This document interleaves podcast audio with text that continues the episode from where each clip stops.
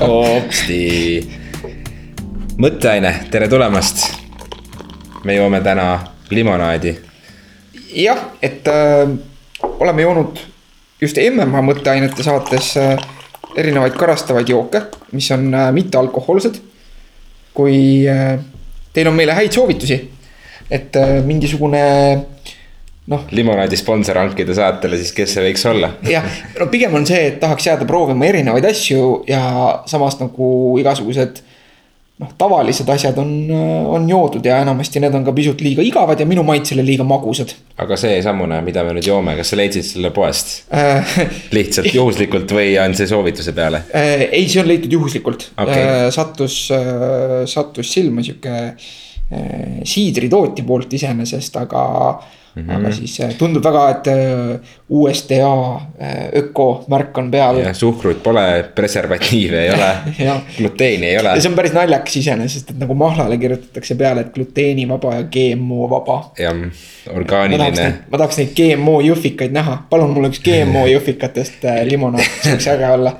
okei okay,, gaasiga jõhvikamahl siis okei okay,, kõlks, mm.. kuidas läheb? See on äh, palju magusam, kui võiks arvata ühest äh, jõhvikamahlast. on jah, minul läheb äh, tegusalt, mul on hästi kiire nädal selja taga, ma käisin nagu eelmine nädal välja hõigatud, siis käisin mina Tallinna muusikanädalalt äh, Vooga tööd tegemas natukene. lõin uusi kontakte ja vestlesin nii delegaatide, muusikute kui ka kohalike artistide ja kultuuriinimestega millistel kontsertidel käisid? Ma sellest. väga kahjuks kontserditele selles mõttes ei jõudnud, et ma läksin sinna laupäeval otseselt ainult tööd tegema.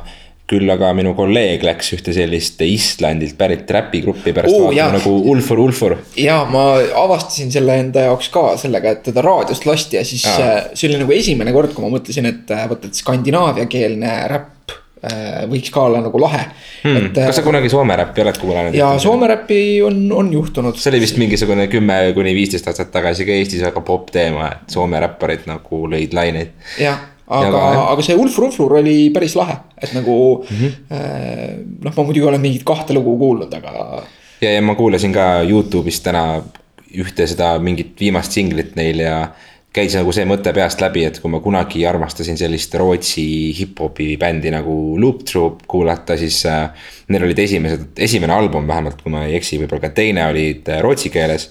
Ja sellest ma nagu sisuliselt ju aru ei saanud, aga mulle meeldis see beat ja see flow ja need hääled ja värgid, aga nagu ma noh, väga pikalt ei jõudnud lihtsalt kuulata, et mulle meeldis see sõnum ka hip-hopis. hilisemad albumid olid siis inglise keeles, et ma mõtlen, et kas Ulfur Ulfur jääb siis nagu endale truuks ja laseb rahulikult äh, emakeelset äh, muusikat välja ja meie siin äh, noogutame kaasa, ükskõik mis see sõnum seal võib tegelikult olla, et. jah, muideks ma vahepeal lahendasin selle joogi magususe müsteeriumi, et tegelikult on tegemist äh, hoolimata sellest, et siin on jõhvika pildid peal, siis tegemist on äh, õunamahlaga, õunamahlaga, millel on äh, jõhvika lisand. aa, niimoodi, et okay.. sellepärast on see nii magus, aga jah, suhkrut lisatud just ei ole, aga ilmselt on need olnud ühed magusad õunad. aga jõuame jälle taas sinna, et loe peenikest kirja.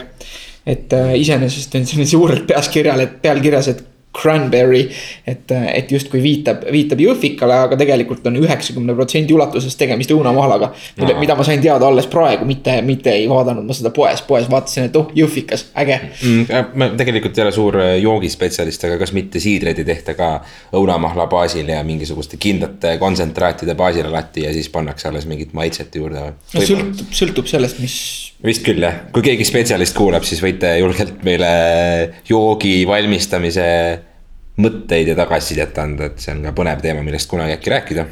käsitööõllemeistrid jah näiteks, Äh, ühesõnaga kuulamas sa midagi väga ei käinud, aga kuidas su see Jah. müügikogemus läks, Um, et äh, tegid LHV-d?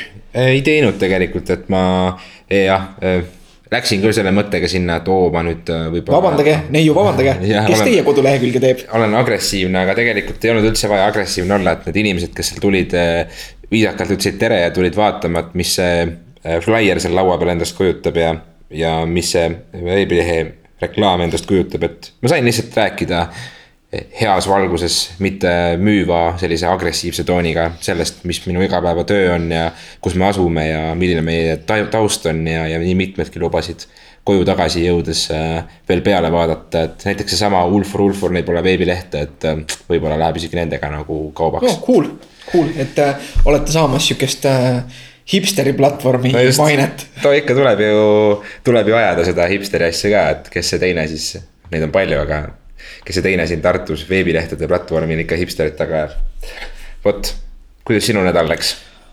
oh kuule, mul ei ole selles suhtes väga hästi läinud, et äh, see on küll sihuke isiklik nagu spordiasi, aga äh, ma sain teada, et äh, üks minu sihuke trennist saadud vigastus, mida, mida nagu trenni tehes ikka juhtub. Inimestele küll alati tundub, et oo, et nagu võitlusspordiala, et see on hirmus õudne ja niiviisi, aga, aga tegelikult eriti just. Jujitsu ei ole tegelikult nagu väga ohtlik kuidagi võrreldes sellega, mida inimesed räägivad jalgpallist ja korvpallist mm. -hmm. aga, aga sain äh, kaks nädalat tagasi trennis natuke viga ja, ja, ja siis nüüd nagu selgus, et vigastus on tõsisem ja, ja et jään ikka noh, et enne kui ma saan oma kätt jälle korralikult kasutada, et siis läheb nagu noh, võib-olla isegi kuni kaks kuud. okei okei ja, ja siis ei tea ka, kas on nagu taastumine, taastumine sada protsenti, aga ja, ja mind, mind alati siuksed asjad nagu kuidagi muserdavad, et ma nagu. kas see tähendab seda, et sa ei saa üldse nüüd trenni teha või tunde anda või sa saad äh, juhendada rohkem verbaalselt ja oled ikka kohal? noh, ma põhimõtteliselt äh, nagu siin on äh, teisedki, et torkan ühe käe lihtsalt vöö vahele ja. Või, või nagu püksi nagu all pandi ja siis äh, rullid edasi. jah, siis saab, siis saab kõiki neid noh, ülejäänud jäsemetega saab nagu kõike teha. kas see on siis nii-öelda vigastustega läbi elu rahulikult ja sellega on sihuke, eh, kunagi me Ott Tõnissaarega juba ammu-ammu rääkisime seda, et kui me eh, jälgisime ühte vana inimest. kes liikus hästi vaevaliselt, siis, eh, siis Ott küsis, et kuule, et kas nagu noh, selles vanuses, et meie oleme ka sellised mm.. ja, ja siis äh, esimene mõte oli nagu see, et tõenäoliselt küll, aga võib-olla põhjused on erinevad. ja, ja siis, aga sellest järgmine mõte oli see, et, et tõenäoliselt pigem mitte ja see on ka nagu see kogemus, mida. mida ma tean nagu teistelt sellistelt just, kes on natukene kõrgemal tasemel ka spordiga tegelenud. et selleks ajaks, kui me oleme nagu seal seitsekümmend, kaheksakümmend mm. ja, ja, ja nagu on see aeg käes, mis noh. Nagu vanadusse jõudes hästi lihtsasti tekib nagu sihuke sihuke nagu allakäiguspiraal, et äh, midagi nagu juhtub, et hakkab kuskilt valutama ühel hommikul ja. ja siis selle tulemuseks on see, et inimene tegelikult nagu piirab oma liikumist ja liigub vähem. ja, ja eriti vanuses kehtib väga suuresti see, et nagu use it or lose it, et äh, kui sa liigud vähem, siis äh, seda rohkem kinni nagu liigesed jäävad ja, ja, ja seda nõrgemaks lihased jäävad. ja seda rohkem sa tegelikult valutad ja siis lõpuks see kõik kulmineerubki sellega, et äh, libedal Eesti talvel kukud ja inimene murrab puusa ja, ja, ja siis nagu noh, me ju teame tegelikult, et nagu statistilises mõttes nagu sellised kukkumisest saadud murrud on hästi nagu tõsised vanainimestele no muidugi, vanas eas ka see taastumine on ju niivõrd äh, aeglane. aga see taastumine on aeglane nagu hästi suuresti just selle tõttu, et. Äh, et noh, need luud on juba hõrenenud ja lihased on nõrgemad, mis mm. omakorda on selle tõttu, et seda keha on nagu vähem efektiivselt kasutatud. et, et tegelikult noh, see võib-olla vääriks eraldi kunagi suurt teemat, aga, aga kõik uuringud samas näitavad, et ka kui vanadele inimestele teha jõutrenni ja siis nad lisavad tegelikult lihasmassi väga hästi. loomulikult mitte nii hästi kui teismelised, aga, aga nagu piisavalt hästi, et see oleks väärt ja, ja, ja sellega saab nii-öelda adekvaatsete koormustega saab aeglustada luude hõrenemist ja kõike seda. Anyway, kuhu ma tahtsin välja jõuda, on see, et selleks ajaks, kui näiteks mina olen seitsekümmend, siis mul on juba kõva viiskümmend aastat kogemust sellest, kuidas mitte hoolida sellest, et kuskilt midagi valutab või ei tööta.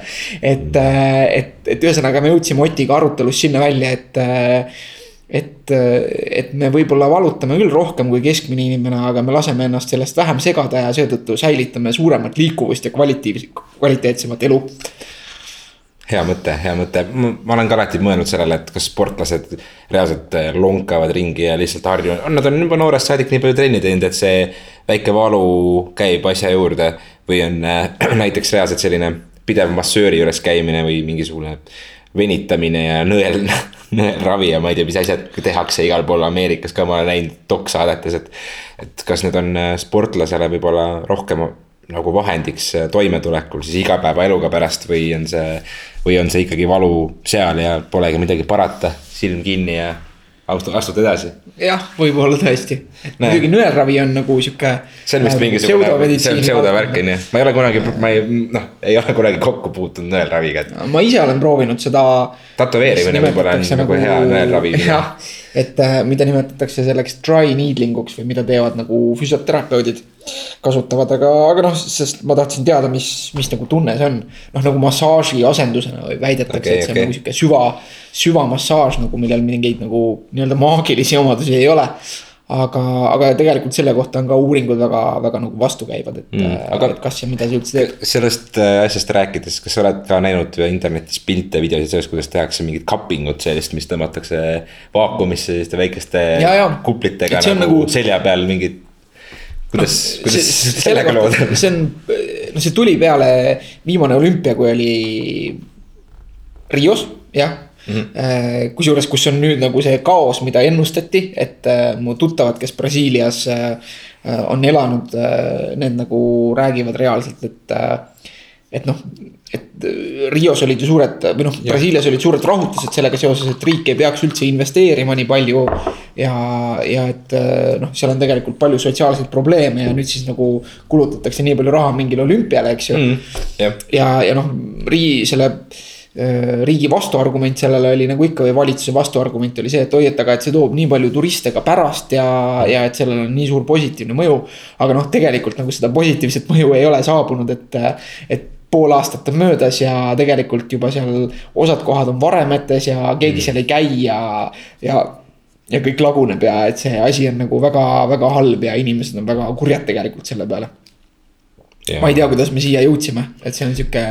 On... või, või millest me üldse rääkisime jah, et ma olen ka kuulnud äh, analoogselt äh, mingisugused varasemad kohad, kus näiteks sellised suured Äh, sündmused, mis kestavad väga lühidalt, äh, aga selle tarbeks on siis ehitatud mingid pilvelõhkujad ja suured äh, staadionid valmis ja igasugused asjad, et ähm,. Sotši olümpiaga oli ju sama asi. jah, et, et see ei olegi ilmselgelt mõeldud selle olukorra parandamiseks, vaid selle ürituse korraldamiseks ja eks kohalik kultuur ja need harjumused ja kogu see olukord vajab pikaaegset tegelemist ja ja igapäevast hoolt, mitte mingit hooajalist sündmust, et noh, see on, ma arvan, kõigile selge. nii, aga nüüd on aeg käes selleks, et lugeda ette mõned meie kuulajate kirjad. Ja õiendada siis jah, märkused ka eelmistest saadetest, mida me oleme siin jätnud tegemata. just täpselt nii.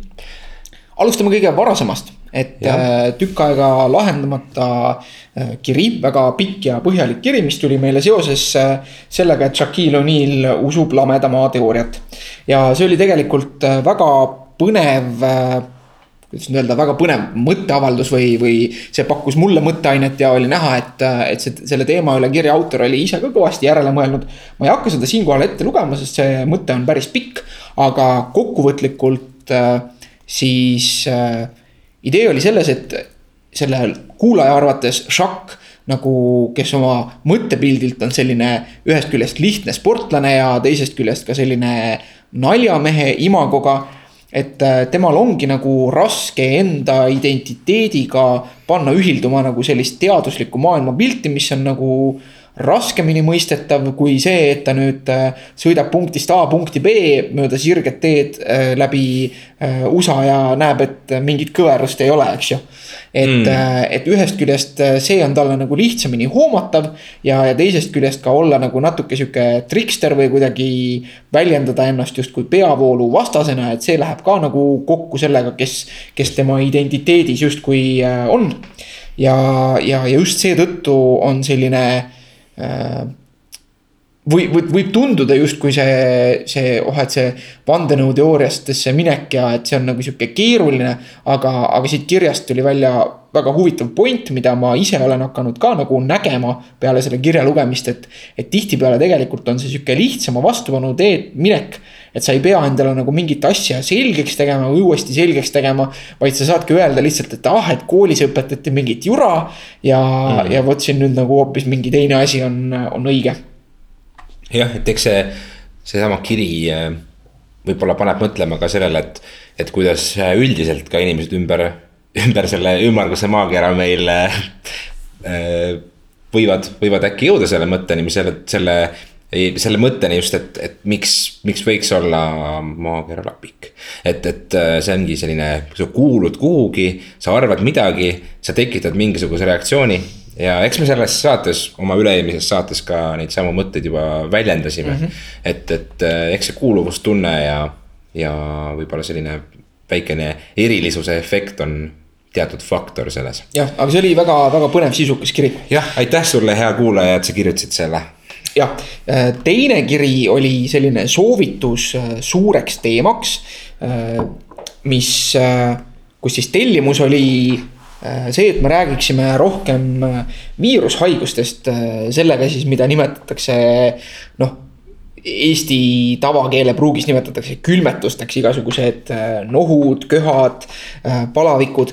ja me mõtlesime, et me kahe peale seda endale päris suureks teemaks ei võta, sellepärast et me mõlemad tunneme ennast äh, natukene ebapädevana.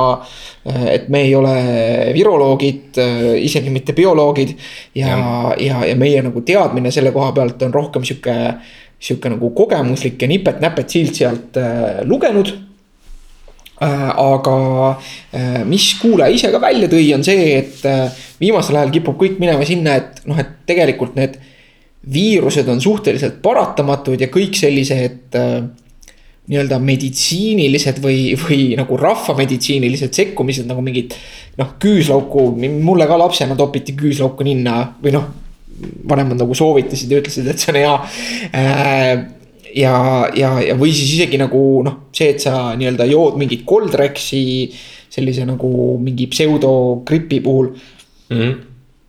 et kõik need asjad nagu parimal juhul leevendavad ainult neid sümptomeid, et kui sul on kurguvalu, eks ju, et sa võid võtta paratsetamooli või ibuprofeeni ja tunda ennast natukene paremini, aga selle haiguse käiku tegelikult need asjad oluliselt ei mõjuta. ja, ja samamoodi ei mõjuta haiguse käiku oluliselt see, et kas sa nüüd äh, teed endale seda pärnaõie teed äh, mingisuguse mee ja sidruni ja tšilliga või, või mis iganes või sa jätad selle tegemata, et. Äh, aga mis siis mõjutab? et, et eelkõige mõjutab seda, et äh, sa oleksid hästi puhanud ja hästi söönud hmm.. et see aitab nagu ennetada neid haiguseid ja, ja, ja, ja võimalik, et teeb siis ka nende kulu kergemaks. et, et see näib olevat nagu kõige kõige-kõige tähtsam asi ja kõige sihukesem ühisem nimetaja, et äh, korralik uni, mis on ka, millest me täna veel räägime unest ja, ja selle seoses tervisega, aga, aga. just, et põhimõtteliselt äh, kõik, mis loob inimesele sellise hea tugeva immuunsüsteemi välja puhatud organism. hea toitumine ja, ja eks see lihtsalt öeldes nii ongi. ja, ja, ja nagu noh et ärge katsuge palja käega neid mandariine seal enne mm. jõule poes. sest äh, ma olen ise näinud, see vaade tegelikult on päris imelik, kuidas äh, noh nagu. võtad kilekoti see... ühte kätte ja siis hakkad nagu koera kakat võtma. ei no kui sa kilekotti võtad, see on veel hea, aga ma näen seda enne, kuidas noh, ma põhimõtteliselt ei taha enam väga mandariini osta, sest ma olen näinud, kuidas mingi inimene nagu näperdab seal mingisugune kakskümmend mandariini läbi ja siis ei osta ühtegi. ja siis vahepeal veel äh, aevastab ka ja püüab nina sama käega et, et mandariinid tegelikult noh, seda nagu ma olengi nagu kuulnud arstide poolt meedias ka ütlevalt, et see sihuke klassikaline oksehaiguste nagu mm. episoodid, et need käivad seoses sellega, et on mandariinide aeg ja lihtsalt inimesed näperdavad neid poes.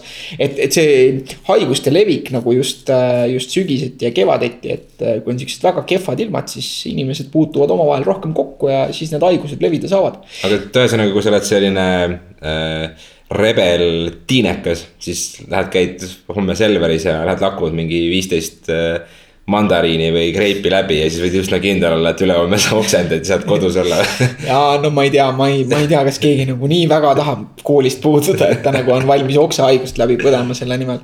et see on päris, päris õudne asi mm,. aga mis, mis selles kirjas ähm, mille, mille saatis meile Kadri, et, et mis Kadri veel välja tõi, oli see, et et noh, et kas nagu karastamine võiks toimida ja noh, see karastamine läheb tegelikult sellise üldise tervislikkuse alla, et.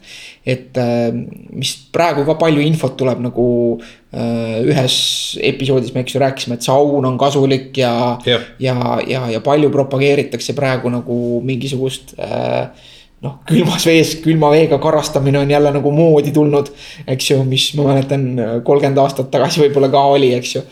aga, aga, aga see nagu tervik seal näib olevat seda, et selline kontrollitud ja hästi talutav kehaline stressor, et ükskõik, kas see on siis temperatuur kuuma või külma näol. või see, et sa teed nagu vahepeal natuke mingit trenni mm. äh,. käid värskes õhus, et nagu noh, et see on nagu kõik selline nii-öelda noh, nagu positiivne stress või et juhul, kui keha tuleb sellega ilusasti toime, siis ta nagu ka töötab paremini. ja siis on ka nagu see vastupanuvõime võib-olla nendele haigustele parem. okei okay,, et see et, tegelikult äh, kõik on ju saun ja, ja see veekarastus nii-öelda ka külma veekarastus, siis on ju otseselt seotud jälle vereringe toim-, toimimusega ja sellega, kuidas. liikumine ka samamoodi. jah, jah, et. et, et mis see põhjus seal täpselt on, noh või seda on raske öelda ja, ja praegu tundub ka olevat, et ei saa nagu hästi öelda, et nüüd üks asi ilmtingimata on parem kui teine, et nüüd, äh, et, et nüüd. et, et kui palju trenni on võrdne ühe saunaga ja noh, et seda nagu päris nii öelda ei saa. pigem on nagu tähtis seal see, et noh, seda kõike ei, et sellist nii-öelda, et liigselt lisaks stressata ei, ei tasu nagu juba kurnatud organismi eks ju, et kui, kui et uni ei ole pärast... korras ja toitumine ei ole korras ja siis sa paned sinna korraliku sauna peale ja. võib-olla tarbid veel hoopis alkoholi ka sinna juurde, et noh, et siis sa ei ole sellest tervem lõppkokkuvõttes, vaid, vaid pigem nagu just, just nõrgem. muidugi ja, ja ilmselt ka pärast maratoni, ma ei tea, kas pärast maratoni on mõistlik sauna minna näiteks? ei, ei tea, siin ma ei hakka praegu spekuleerima. ja, ja viimane iva oli see, et kuidas on nagu lastega, noh, lapsed, kes käivad eriti, kes käivad lasteaias, on siuksed korralikud nagu äh,. haiguspommid ilma veel mm -hmm. korralikult välja kujunenud immuunsüsteemideta ja, ja tegelikult eks see, et kui laps läheb lasteaeda, et siis ta on esimesel aastal kogu aeg hästi palju haige. et see näib olevat paratamatus ja kui kodus on näiteks kaks last ja mm., ja siis, siis on nagu see teine kogu aeg ka haige, sellepärast et esimene nagu toob neid haigusi lasteaiast koju noh, siis on ainus lohutus on see, et kui see teine ühel hetkel lasteaeda läheb, siis tal tõenäoliselt juba on nagu natukene vähem neid haiguseid. et äh, mäletan, et meil oli jah, sihuke sihuke meie, meie või noh, meie esimene laps oli nii palju haige. et me tõesti mõtlesime, et me võtame ta lasteaiast ära, et ta sai nagu nädal aega käia ja siis oli kaks nädalat haige nädal aega käia ja kaks nädalat haige. ja me olime tõesti nagu piiri peal, et nagu olimegi otsustanud, et okei okay,, me anname viimase võimaluse. et kui nüüd ka, kui ta nüüd ka haigeks jääb, siis me võtame ta lihtsalt ära ja paneme järgmisel aastal või ülejärgmisel aastal või mida iganes aga siis just oli see, et peale seda, kui me olime nagu seda kindlalt nii-öelda perenõukogus läbi arutanud ja, ja otsustanud. siis ta sai nagu käia kaks pool kuud niiviisi, et äh, haigust ei tulnud ja, ja siis, siis jäime nagu selle juurde. jah, minu kaksikud on ka ju, nad on selles mõttes ühevanused ja käivad koos, et, et ähm, on küll tõesti niimoodi, et iga paari päeva tagant on nagu keegi jälle natukene tatine või aevastab ja köhib ja siis sa tead jälle, et nüüd vist, vist läheb jälle käest ära, et pidev selline haiguste pingpong käib, et kui üks jääb haigeks, sa tead, et ülehomme on järgmine ja, ja, ja siis umbes viie päeva pärast on üks terve ja siis sa tead, et teine hakkab ka kohe varsti saama, et. sihuke tüüpiline igakuine probleem, tõesti aga noh, eks see on ka kasvavale lapsele tarvilik, et. Äh, jah, et seda on vaja läbi kogeda ja, ja, ja tegelikult seda öeldakse küll, et. Äh, et ei tasu nagu enda lapsi liigselt mulli sees hoida ei nagu puhtuse mõttes, kui, kui siis ka nagu viiruste eest kaitstes, et. Äh, et see tegelikult nagu aitab sellel immuunsüsteemil välja kujuneda ja, ja täiskasvanu eas on see kindlasti väga hea, et sa oled läbi, niivõrd palju läbi põdenud ja, ja nii, et su äh, organism niivõrd tugev on. vot, sellised mõtted, eh, tuleme äkki kohe sujuvalt siia nädala avastuste rubriiki kergelt edasi. et eh, see on hea üleminek praegu, mina ise just avastasin eh, ka haigestumise teemal ühe väikse artikli livescience.com veebilehelt. ma ei tea, kas livescience.com tavaliselt on pigem teaduse kollane ajakirjandus või mitte, aga artikkel räägib sellest et, et külmetushaigused ja üldse äh, jah, haigeks jäämine on äh, näiteks äh, üksikutel inimestel palju tihedam nähtus kui nendel, kes tunnevad ennast hoitud. tunnevad mingisugust turvalisust oma partneri poolt või kellegi poolt, kes neid teinekord ka põetab. et sisuliselt see artikkel ütleb seda, et kui sa oled üksik inimene ja oled harjunud ennast võib-olla natukene rohkem üksikuna ka üleval pidama, et siis haigeks jäämine tähendab seda, et sa sisuliselt juba mentaalselt viid ennast kiiremini sinna staadiumisse ja põed ka sedavõrd kauem võib-olla haigust, et ma ei hakka seda katsetust, mis siin artiklis jälgitud on, teile üksipulgi läbi rääkima. Aga sisuliselt jah, ühesõnaga, et see on selline väikene efekt, mis inimesed endale juba psühholoogiliselt ka omaks võtavad rohkem, kui neil on kõrval inimene, kes ütleb, et. et näed, siin on sulle supp ja sa saad varsti juba terveks ja äkki ülehomme oledki. et vot sihukene väikene tähelepanek minu poolt ei tea, kas see ka päris tõsi on, aga noh noh, seal peaks vaatama jälle, et, et see suur asi uuringutega on alati, et kuidas nad seda põhjuslikkust seal nagu määrasid mm. -hmm. et, et võib-olla on asi hoopis selles suhtes, et need inimesed, kes üldiselt on rõõmsamad, on vähem haiged või no,. jaa, absoluutselt, jaa, absoluutselt, et ega. aga paneme selle artikli ka selle lookese saate märkmetesse ja saate ise vaadata. täpselt nii. Jörgen, sinu nädala avastus. kas sina oled kassi või koera inimene? Ma olen koera inimene, kuigi mul on ka kass mitte enda korteris, kellega enda vanemate kodus, nii et. Okei okay,, et äh.... aga kui ma saaksin valida endale, kelle ma nüüd võtan, siis ma võtaksin koera mm. -hmm. mul on äh, uudised äh, kassiinimestele või nendele no,, kes huvituvad kassidest. et mina olen alati teadnud seda, et, et olen lugenud palju, noh, mitte nüüd palju, aga nagu silma jäänud seda, et koerad on äh, selgelt nagu arenenud liigina inimestega koos. Mm.. ja et, et koerte käitumises ja, ja nende füsioloogias on ikka väga palju teistmoodi tegelikult praeguseks kui huntidel. ja, ja, ja koertel nagu see inimesega koos olemine, inimese mõju on nagu selline äh, noh, nii-öelda tõesti juba, juba sisse evolutsioneerunud selles tähenduses siis, et, et koerad, koer justkui liigi isendina siis, siis tahabki olla inimesega koos ja on nii-öelda nagu soodumusega olla treenitud ja, ja, ja, ja elada oma elu just inimese kõrval ja kasside kohta olen alati teadnud seda, et kassidel on nagu inimestest suht savi.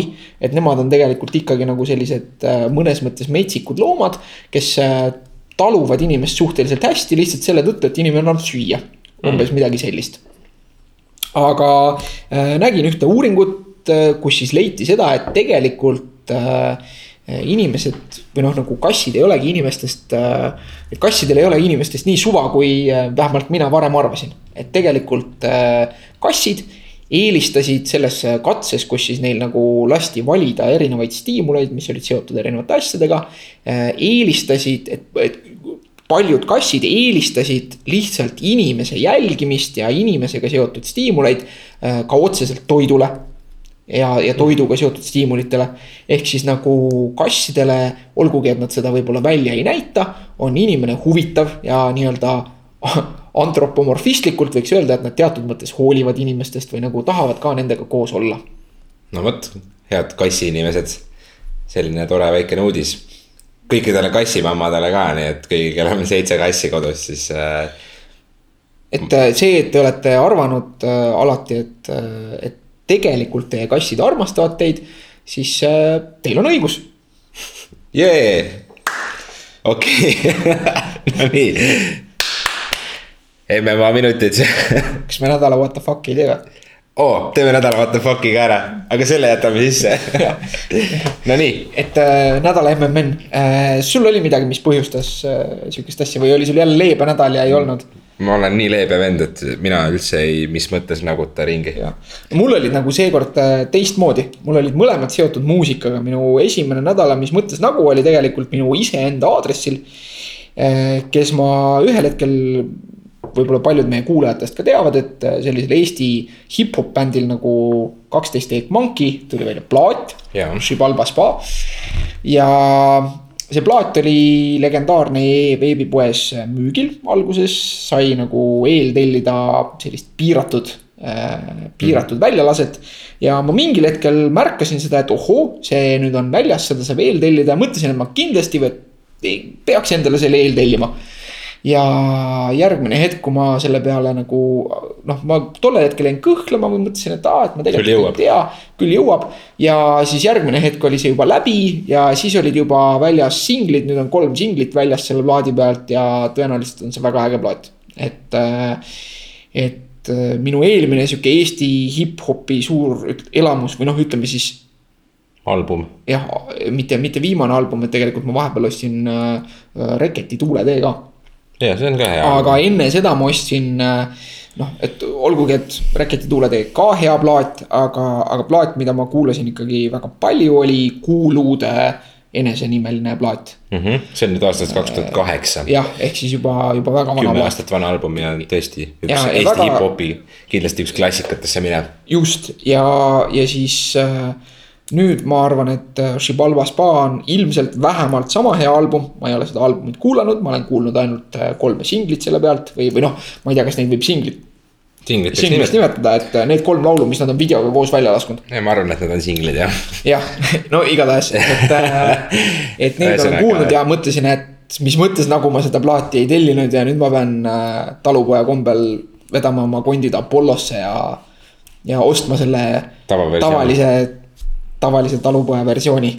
Aa, et äh, jah, kas see on nüüd päris ametlik, et siis neil, need on otsas ja rohkem ei saa ja nii äh, edasi? sa saad osta vist ainult seda plaati veel, mis on nagu, maksab, kas seal oli viis tuhat eurot ja millega koos sa saad kontserdi ka. viis tuhat eurot, jah see on nagu Et see see, üks- avaldamata. Wu-Tangi album juba. mis kunagi oli ka müügil, mis mingi, mingi vend ostis ära ja pani netti üles selle niisama pärast Jah.. Cool äh,, et, et see oli üks asi ja teine asi, mis oli nagu ka tõeline, sest see oli nagu selles suhtes ehe, mis mõttes nagu, et see tõesti. tolles hetkes nagu täiesti suvalisest asjast tekkis mul see reaktsioon, et mis mõttes nagu, et äh, üks äh, inimene, keda ma siinkohal nagu nimepidi ei nimeta, sest ma ei ole seda temaga kooskõlastanud. ja ma ei tea tegelikult, kas ta seda saadet kuulab või mitte tervitused. nimetame ta Jesperiks. sest Jesperit saavad siin saates ikka palju heiti. nimetame ta Jesperiks, see tüüp tegelikult on noh, ma ilmselt ei saaks öelda, et sõber, sest me noh. ütleme siis nii-öelda, tuttav, kellest ma nagu palju pean tegelikult, et see on minu meelest väga sihuke huvitav inimene ta ei ole päris mu sõber, aga erialaselt ajab väga huvitavat asja äh,. Jälgin teda Facebookis, vaatan, mida ta arvab asjadest äh,. üldiselt olen olnud temaga alati ühte meelt selles osas, mis puudutab näiteks kirjandust või muusikat või, või arvutimänge, ütleme igasugust nagu meediat. ja siis mul oli nagu tõeline, mis mõttes nagu oli see, et kui äh, et ma Facebookis nägin, et ta nagu oli linganud äh, Taagöö hiired tuules mingisuguse koos siis nagu tsitaadiga sealt. Ja mul oli nagu tõesti, et mis asja, et see ei ole lihtsalt võimalik. mis mõttes siis? et mis mõttes nagu, et mis, seal oli? et ähm, no lihtsalt äh, mina olen kasvanud, ma, ma nagu analüüsisin seda pärast, et see, ma seletan, et miks, miks see nagu selle reaktsiooni tekitas, et võib-olla mina olen nagu äh, minu jaoks Taagöö tuli nagu sellel ajal, kui ma, eks ju, olin äh, lõpetamas keskkooli ja alustamas ülikooli sellel ajal. ja, ja, ja Taagöö ei olnud cool, Taagöö oli nagu eepiliselt uncool nagu tegelikult. et kas sa, sinu jaoks ka Saatpalu lihtsalt mingi maksavorsti hääl? täpselt, täpselt ja, ja sellega nagu lugu oli Jesperiga oli see, et esimese asjana ma kirjutasingi sinna alla, et no et ma poleks arvanud, et sulle maksavorst meeldib. ja siis ta isegi ei teadnud seda, mis värk selle maksavorstiga on. okei, okei. et, et see on nagu võib-olla eri- erineva generatsiooni asi, aga no ühesõnaga mina kasvasin üles ajal, kui, kui nagu Taage oli nagu nii uncool, kui olla sai. ja, ja minu jaoks Taage, ärge nüüd palun mind äh, maha lööge, eks ju, kõik Taage austajad. risti. kõik Taage austajad, keda ilmselt meie saate kuulajates on rohkem kui mitteaustajaid, tõenäoliselt, et äh, minu meelest oli väga cool plaat see. et, et minu jaoks on Taage alati olnud sihuke, tõesti sihuke pseudointellektuaalne nagu joga sihuke ja nagu tõesti nagu noh, muusika koha pealt nagu sihuke, sihuke nagu noh, täiesti sihuke pretensioonitu sihuke noh, pseudointellektuaalne selles suhtes, et justkui tahab olla nagu hästi selline alternatiivne ja popp, aga samas on täiesti hambutu ja tehtud selliseks, et see kõigile meeldiks et äh, ja, ja sõnade poole pealt ka nagu selline noh, sihuke nagu ütleme luulena sihuke, sihuke labane ja igav ja sihuke okei okay,, eks ju, et see on nagu see minu taust, on ju, minu mm., minu arvamus, minu hinnang. et, et minu subjektiivne hinnang ja minu jaoks oli nagu väga üllatav, et selline inimene, keda ma pean nagu väga teraseks ja, ja kellega ma olen nagu arvanud, et ma jagan sama maitset ja sina oled nüüd teine, eks ju. ka sina, Brutus. Okay. et, et, et tema siis nagu järsku fännist taagati ja ta veel ütles mulle chat'is ka, et et noh, mis mõttes, et ma ei saa nagu aru, et nagu umbes, et Saatpalu on üks Eesti nagu paremaid sõnade kirjutajaid. ja noh, nagu see on minu jaoks nagu see statement, see väljend on minu jaoks nagu täiesti teisest maailmast. et ma ei mõista seda ja see, mis mõttes nagu oli siis nii-öelda nagu metatasandil ka, et nagu. et noh, et ma mõistsin, et tegelikult nagu siukseid asju tuleb võtta nagu noh, mingisuguses nagu tulebki võtta, et see ei ole nagu mingi, mingi päris asi või et nagu see ongi mm., et nagu minul on minu arvamus temal on tema arvamus ja, ja see, kuidas ma üldiselt arvan temast või, või sinust, see ei pea mitte karvavõrdki muutuma selle tõttu, kas ma, et ma sain teada, et, et tegelikult talle meeldib Taage. et nagu see Taagega oli niiviisi, et kui, kui ma tulin, eks ülikooli ja, ja Taage oli hästi popp ja kõik nagu siuksed.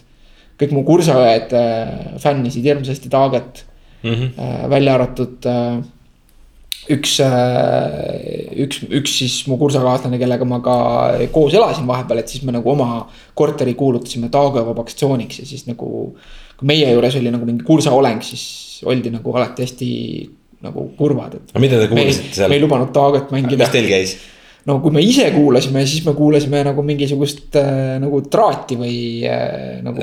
Mindfulness, self-indulgence'it ja korni ja nagu mingit no,. aga Eesti artistidest? Eesti artistidest ma ei mäleta. kas mingit Eesti räppi äkki või võib-olla mingit Chalice'i või midagi või? ja, jah, ikka mingit Chalice'i ja, ja noh, nagu Kuuluut tuli ka varsti juba sellel ajal ja mm.. no see oli küll jah, see oli võib-olla jah, aga, aga. Chalice oli, Chalice oli okei okay.. okei okay,, okei okay,, okei okay.. ja, ja nagu, et äh, põnev. jah, et noh, et, et. vanad head ajad. Taage oli nagu Tanel Padariga tollel ajal suht ühel pulgal. et, et see oli nagu jah, sihuke minu jaoks sihuke ühest küljest, et sihuke tõsine emotsionaalne reaktsioon, mis mõttes nagu, nagu see inimene, kes, keda ma pean nagu suhteliselt teravaks pliiatsiks. kuuleb Taaget ja, ja siis see teine, mis mõttes nagu oligi nagu enda aadressil mõistmaks, mõistmaks, et nagu noh, võiks ju olla, et ma olen nagu kolmkümmend neli, et võiks olla nagu suuremaks kasvanud, et. et noh, et see inimesele meeldib bänd, mida mina pean nagu hästi halvaks, et, äh, et see ei tähenda seda, et me mingites muudes asjades ei võiks arvamusi jagada ja, ja, ja et me mingites muudes asjades ei võiks ka nagu eriarvamusel olla ja diskuteerida nende asjade üle. ja samas siis mingid kolmandad asjad nagu võivadki olla täiesti irratsionaalselt niiviisi, et ilmselt õnneks või kahjuks seda tõde selle koha pealt, et kas see on õigus nii-öelda minul nii-öelda õigus nii-öelda minul, et äh, Taago on räige maksavorst ja peaks kuuluma ajaloo prügikasti mm.. või siis on õigus temal, kes arvab, et Saatpalu on äh, Eesti parim laulukirjutaja, et see ilmselt ei ole see koht, kus seda õigust taga ajama peaks. aga kas Saatpalu on äkki Eesti kõige parim joodeldaja? Äh, noh, minu meelest on nagu keegi ütles geniaalselt, nagu ta ei saa võtta tõsiselt bändi, kus laulab rääkiv koer. Mida, okei okay., tore nii, kas me nüüd saime nagu nädala. mis mõttes naguga saime ühele poole? okei, jah, annan sulle seekord. MMA minutid, et äh, midagi väga tähelepanuväärset sellel nädalal tegelikult ei toimunud. Äh, midagi, mis vääriks kajastamist siin ja kõigile meie sadadele kuulajatele, kes, kellest päris suur osa MM-ast, mitte karvavõrdki vist siiamaani ei hooli. jah, ja see on okei okay.. see on okei okay,, aga Äh, võib-olla rohkem kuulajatest hoolib boksist. Äh, kuigi seda ma ei, ka ei tea, et Eestis ei ole nagu boks väga sihuke populaarne, aga mis on kindel, on see, et Floyd Mayweather on äh, üks maailma tähelepanuväärsemaid sportlaseid selle tõttu puhtalt, et ta on üks rikkamaid. jah, ja tegelikult ka tema äh, rekord nii-öelda. konto. tema konto, tema saldo nelikümmend üheksa, null. on et, äh, selles mõttes märkimisväärne, et äh, võib-olla tavakuulaja jaoks jälle see on nagu mida iganes, ma ei tea, aga, aga, aga see spordimaailmas on päris suur diil. noh, ütleme mis iganes spordimaailmas, kui sa mõtled, et äh, sa oled võitnud nelikümmend üheksa võistlust või äh, või äh, noh, et see on nagu väga suur asi. ja null kaotanud, et selles mõttes see on nagu diil jah. jah, et, äh, et väga pikk võitude jada ja see mees on ajanud kokku väga suure hulga raha ja ma arvan, et ei ole kahtlust siinkohal, et, et tegelikult on tema nagu hetkel maailma kõige tuntum poksija. ja ametlikult on ta siiamaani pensionil, vist. Ta tuli välja minu arust nüüd tagasi nii-öelda aktiivseks, et. Läks erru peale enda viimast matši Manny Pacquiaoga. jah, aga ta tuli hiljuti minu meelest tagasi, et, et nii-öelda põhjendadagi seda, et ta väga tahab siis MMA maailma kõige suurema tähega Conor McGregoriga poksiringis kohtuda. jah, et, et räägime siis taaskord sellest Äh, noh, esimesel aprillil tuli mitu uudist selle kohta, et kuidas ikka McGregor Mayweather on kinnitatud.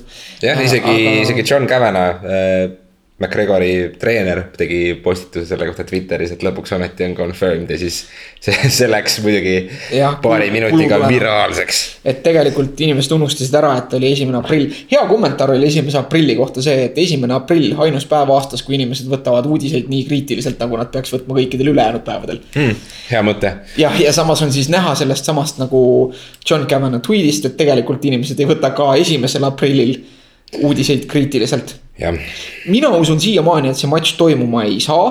Äh, sest ütleme, tegelikult ikkagi nii rahalises kui tuntuse mõttes on äh, noh, ma arvan, et McGregor on julgelt täiesti suvaline number, kümme korda väiksem staar kui Mayweather mm. -hmm. nii tunt-, jah, tuntuselt ja, ja rahalt aga, aga sellest räägitakse palju ja käivad kõlakad juba mingisuguste konkreetsemate aegade suhtes. september ja juuni, juunist septembrini. juunist septembrini jah, kuna McGregor saab nüüd isaks, siis ta võttis aja maha ja see oli ka kuskil uudise nupu selle, mida mina, vaene hing, lugesin ka, et. et võib-olla saab see siis olema septembris.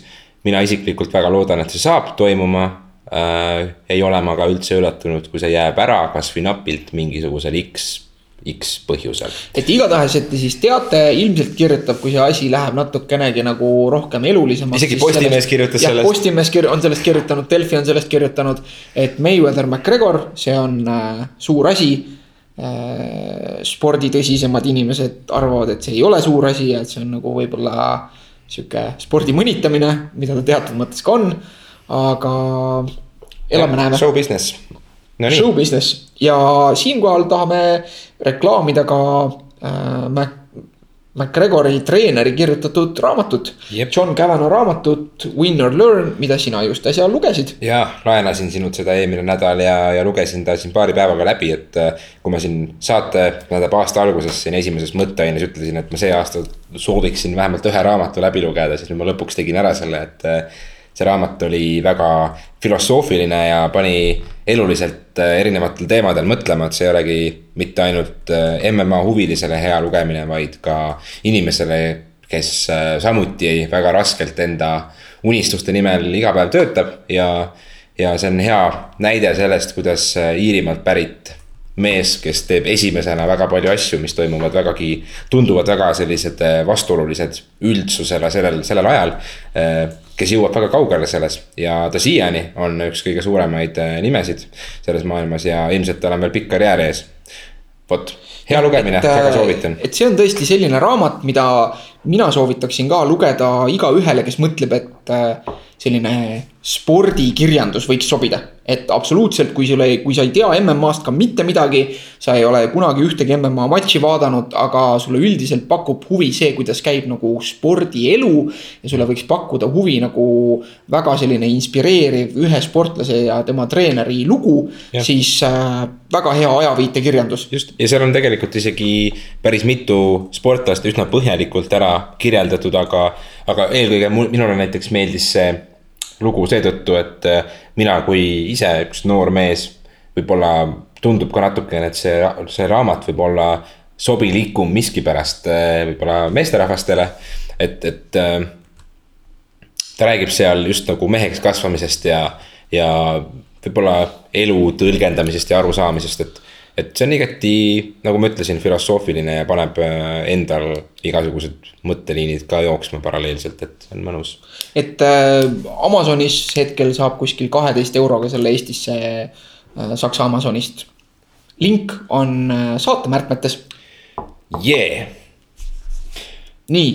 suure teemaga. suur teema, me räägime edasi vaimsest tervisest ja siin tegelikult tahan ma esimese asjana ära klaarida äh, ka nagu lugeja tagasiside, äh, mille lugeja, kuulaja, kuulaja tagasiside eelmisest saatest kus äh, ma sain ühe kuulaja käest korralikku kriitikat selle eest, mis ma ka ise hiljem hakkasin mõtlema, et. Äh, miks ma nii-öelda hakkasin jalga väristama selle koha peal, kui me rääkisime antidepressantidest. okei okay.. ja, ja, ja seal oli nagu noh natuke nagu metatasandi tagasisidet siin praegusele kuulajale, et me ei valmista saateid selles mõttes nagu sõna-sõnalt ette, eks ju. et me paneme paika mingisugused üldised jooned, mida me puudutame, aga me ja. ei mõtle läbi nagu lauseid täpseid või, või, või isegi igat täpset küsimust, mis võiks üles kerkida. nagu selle saate introst näiteks hästi näha. jah, et me lihtsalt äh, teeme sellest äh, raamistikust sees endale ühe mõnusa vestluse, kus me üsna orgaaniliselt liigume, võib-olla teinekord ka väga kaugele sellest, mida me esialgu planeerisime rääkida. jah, ja äh, mida ma mäletan ka eelmise saate lindistamist, oli see, et kui me rääkisime antidepressantidest ja ma mainisin seda, et paljude inimeste probleem on see, et äh, nad kuidagi pelgavad, et antidepressandid äh, võivad tekitada sõltuvust. siis, äh, siis ma ei andnud nagu ühest selget vastust selle kohta, et ei, et see tegelikult ei ole niiviisi. sest minu mõttekäik tollel hetkel oli see, et no pagan küll, et ma ei ole nagu selle saate jaoks seda küsimust nagu korralikult ja teaduslikult ette valmistanud ja et see on tegelikult ka valdkond, kus ma peaksin olema nagu pädevam kui lihtsalt suvalisest teemast Eesti räpist lämisedes, eks ju. -hmm. et, et oma tausta tõttu ja, ja, ja seetõttu ma jätsin selle keele nagu sihukeseks äh, ebalevaks, et noh, et äh, väga tõenäoliselt ja enamik mitte. sest mu kuklast käis läbi, et noh, et äkki nagu ikka mõni ravim, mida loetakse antidepressantide klassi, et äkki ikka selle kohta öeldakse, et see tekitab sõltuvust. ja, ja kuulaja tagasiside, kuulaja kriitika oli selgelt see vaimse tervise professionaalilt, et ei antidepressandid ei tekita sõltuvust, et. Äh, aga kust selline äh, kõlakas siis tuleb, miks see on niivõrd levinud arvamus, et see tekitab? see mõte on võib-olla, mõte on võib-olla selle koha pealt, et kui inimesed nagu noh, nii-öelda aktsepteerivad seda, et, et neil on depressioon mm. -hmm. ja, ja siin oli nagu teine kriitika, et kus ma ütlesin, et äh, et peamine, mis eristab psühholoogi ja psühhiaatrit, on see, et äh, psühholoog kasutab teraapiat ja psühhiaater kasutab ravimeid. siis tegelikult sellele eelneb see erinevus, et äh, psühhiaater on ikkagi see, kes ka nagu objektiivs-, võimalikult objektiivselt proovib hinnata, kas mingit ravi on üldse vaja. ehk siis psühhiaater on see, kes määrab diagnoosi. aga äh, eelmises saates jäi minulgi endal küsimata see, et selleks, et jõuda psühhiaatrini, tuleb esimesel levelil nii-öelda psühholoog läbida. ei, absoluutselt mitte. ongi nii? et tegelikult on see pigem vastupidi mm. ja et nagu Eestis psühhiaater on ka selline arst, kelle juurde sa saad pöörduda otse.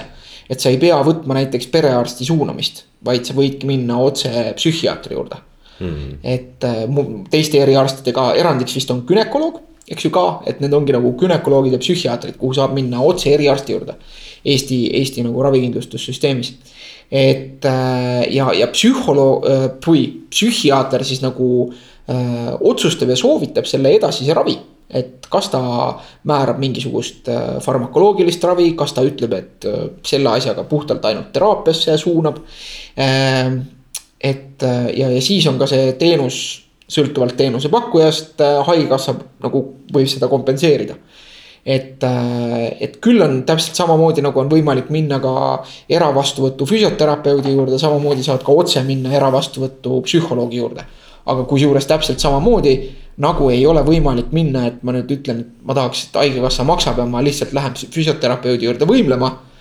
et niiviisi ei saa, täpselt samamoodi ei saa ka nii, et äh, ma tahaks, et haigekassa maksab ja ma lähen nüüd otse äh, psühholoogi juurde juttu ajama et küll on seal see võimalus, et psühholoogi juurde nüüd saab suunata ka perearst. et, äh, et see on hästi uus asi, et see tuli alles eelmisel aastal. miks seda varem ei olnud äh,? mis see, mis see põhjus on näiteks selles, et sihukest asja ei saa? noh, see võib-olla, et küsimus on ikka selles, et kuidas, ja ma ei ole nii täpselt kursis sellega, et kuidas haigekassa nagu yeah. ühest kohast teise raha jaotab ja millele eraldab, et. et, äh, et ju varem oli ikkagi nagu, oldi seda meelt ilmselt, et see et psühhiaater peaks olema see, kes seda protsessi nagu kohe algusest peale koordineerib ja suunab. aga praktikas äh, tekitab see tihti seda, et inimesel läheb nagu väga pikalt aega, et läheb pikalt aega, et ta saab nagu äh, noh, mhm. psühhiaatri juurde, sest on järjekorrad, eks ju, erialaarsti juurde on raske saada kohe. ja, ja siis veel läheb pikalt aega, et ta saab psühholoogi juurde. aga et kui perearst, kes peaks olema nii-öelda nagu see, kes nii-öelda esmatasandil tuvastab igasuguseid probleeme, eks ju, ja et siis äh, tegelikult äh, on ka perearstil nagu võimalus äh, kasutada kasutada psühholoogi tuge, mis on väga hea, kui näiteks ka siis on, et kui ei ole otseselt näiteks psüühikahäiret, aga, aga, aga perearst arvab, et võiks olla nagu mingisugused. näiteks paarisuhte või pereprobleemid mm, -hmm. millega saab suunata teraapiasse. ilmselt see on hästi levinud teema, et ma olen ise ka kuulnud tutvusringkonnast, et inimesed reaalselt mõtlevad sellele ja, ja kasutavad ja saavad ja. ka abi, et et kindlasti see on. aga tulles, tulles tagasi nüüd selle äh,. aga see oli ka kriitika, mis ma sain, on see, et ma äh, vahel sõidan sulle liiga palju sisse. enda jutuga, ma tegin seda just praegu ka. no vot äh,, ma olen ka kuulnud seda ja eelmise saate juures ma kuulsin seda, et lõpuks ometi ma hoidsin nagu enda, enda küsimusi ja sõitsin sulle sisse vahelduseks no seal lõppkokkuvõttes nagu see on asi, mida me edaspidi parandame yep. Niisiis, et äh, psühhiaater nagu kinnitab siis äh, või mitte ei kinnita, vaid, vaid määrab diagnoosi. et äh, kas on tegemist näiteks üldse depressiooniga või kas on tegemist ärevushäirega. ja, ja siis juba ka psühholoog juhindub mõnes mõttes sellest diagnoosist mm. -hmm.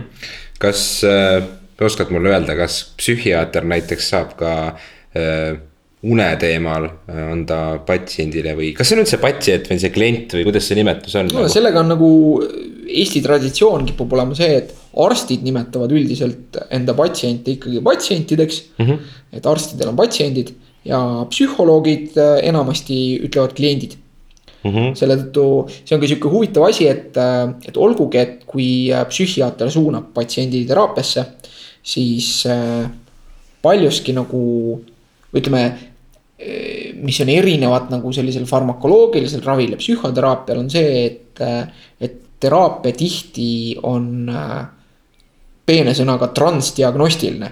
mis siis tähendab seda, et nagu erinevate häirete ja erinevate probleemide siis teraapias on, on tegelikult sarnased jooned mm. -hmm. et noh, ma, sa ei saa öelda, et, et äh, me saame nüüd sama rohuga äh,. Ma ei tea, ravida mingisugust äh, noh, näiteks kassiallergiat ja, ja, ja kopsupõletikku, eks ju, et mm -hmm. aga, aga nii-öelda äh, teraapia puhul on küll tihti nagu, tihti on erinevate probleemide puhul mingisugused sekkumise alustõed või teatud asjad on nagu sarnased. okei okay,, aga jah, eelnevalt korra siin mainisin märksõna uni, et ja. me siin mõni saade tagasi rääkisime, et sina oled teadlikult püüdnud rohkem äh, oma und hoida kontrolli all ja, ja magada. ja mina samamoodi olen just viimastel või viimasel nädalal eh, enda elu, kiire elurütmi juures märganud, et, et ma magan võrdlemisi vähe ja minu enesetunne kannatab tegelikult selle all. ja ma siin nädalavahetusel tegelikult tegin ka ühe lõunaõnnaku üle pika aja ja see aitas mind nagu selles mõttes suuresti, et. et unest rääkides, kas psühhiaatrid või või psühholoogid suunavad ka inimesi mõnikord äh, nii-öelda rahvakeeli unerohtude peale. et mis, mis vahe on äh, siin eelnevas saates, saates räägitud äh, antidepressandil näiteks unerohuga või mis, mis asi uneroht üldse on, mis ime, imerelv see on selline? noh, vahe on väga suur. kindlasti. et, et, et need toimemehhanismid ja, ja ja, ja nagu ka mõju on, on selles suhtes täiesti, täiesti erinev mm.. ja, ja, ja tõepoolest, et, et psühhiaatrid just äh, eelkõige on need, kes peamiselt äh, une, äh, uneprobleemidega ka tegelevad. ma ise ei pea ennast kuskilt otsast nagu mingisuguseks eraldi unele spetsialiseerunuks või mm -hmm. lihtsalt on nagu uneprobleemid kaasnevad ka paljude vaimse tervise häiretega. see vist on seotud siis sellega, et sa mõtled öösiti näiteks ja, ja, ja. nojah, et, et see on sellel puhul, kui on nagu ärevust just ja, ja seda und on nagu vähe selle tõttu mm. -hmm. et, et inimene ei lähe õigel ajal magama näiteks.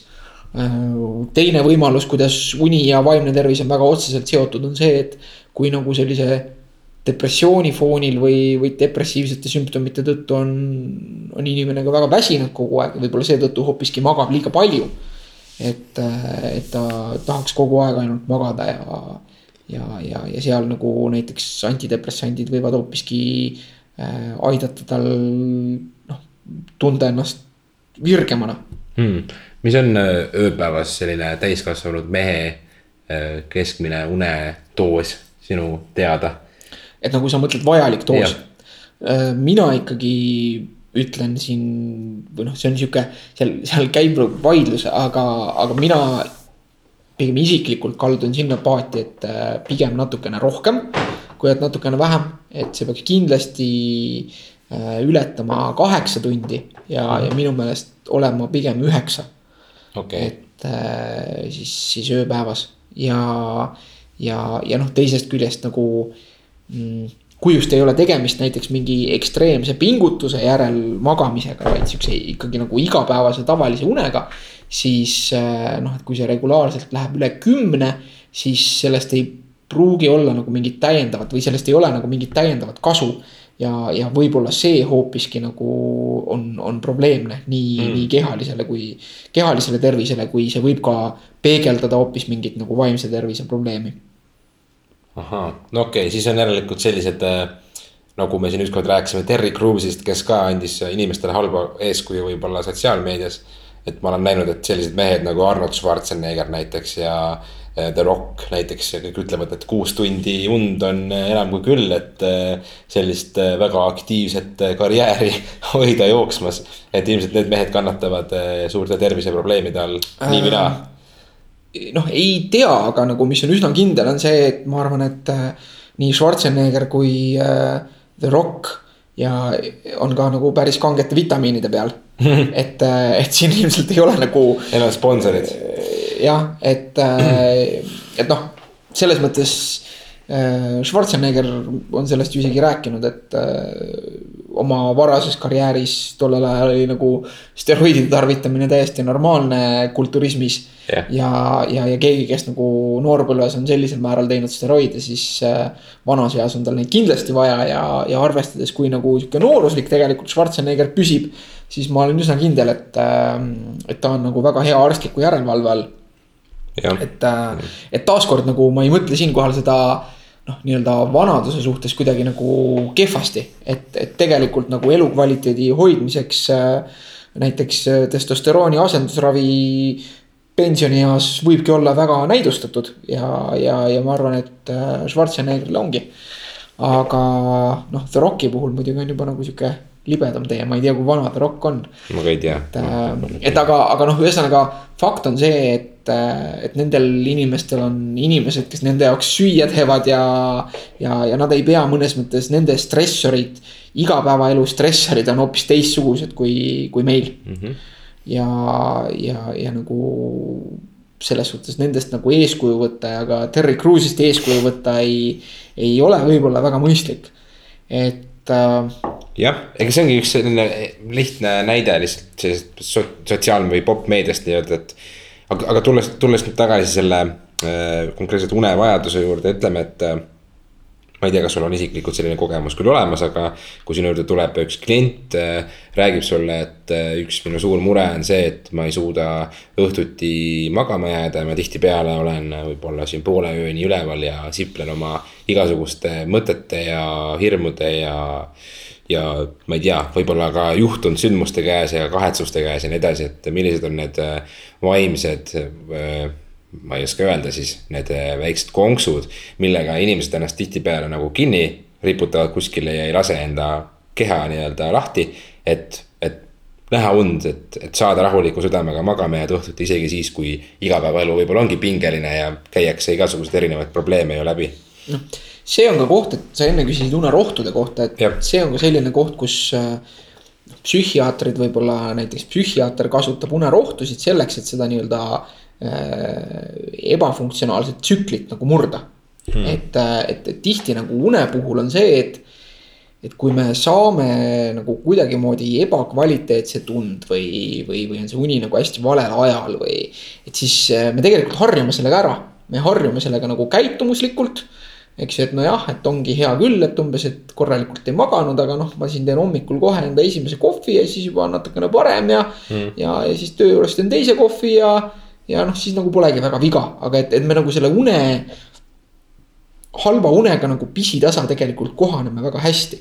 ja me unustame ära nagu, kuidas on tunda ennast normaalsena. et me nagu teatud mõttes unustame ära, kuidas on tunda ennast tunda tõeliselt puhanuna. ja, ja, ja, ja see on väga ohtlik et, et, et inimene võibki, sealt tulebki see, et inimene ütleb, et oot, aga ma vajan ainult umbes seitse tundi und, et kuus-seitse tundi, et ma võin siin õhtul veel filmi vaadata ja, ja umbes, et.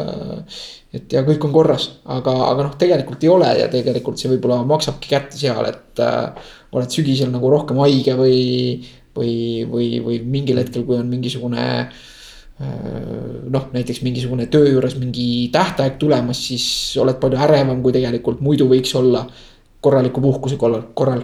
jah, et ma võin ka kõrvale mainida näiteks seesama jutt, mis ma enne rääkisin, ma lugesin raamatut nüüd üle pika aja, et. et varasemalt ma näiteks olen õhtuti võib-olla vaadanudki filmi või sarja või mingeid uudiseid lugenud arvutis, et see ekraan äh, helendab mul silme ees ja.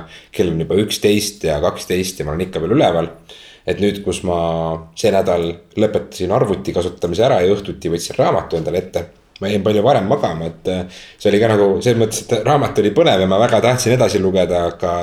aga lihtsalt minu silmad tegelikult puhkasid ja ka pea puhkas nagu. vanaks hakkad jääma ilmselt sellega seotud jah, aga, aga, aga selles mõttes. eks see vist on ka natukene suuresti, mis natukene suuresti, vaid ilmselt kindlasti ongi seotud äh, kuidas me nüüd igapäevaselt ka elame siin, et meil ongi pidevalt mingisugused eredad ekraanid silme ees ja. ja me oleme harjunud sellega nagu oma võib-olla kuni hilise õhtutunnini või, või isegi ööseni nagu äh, tegelema.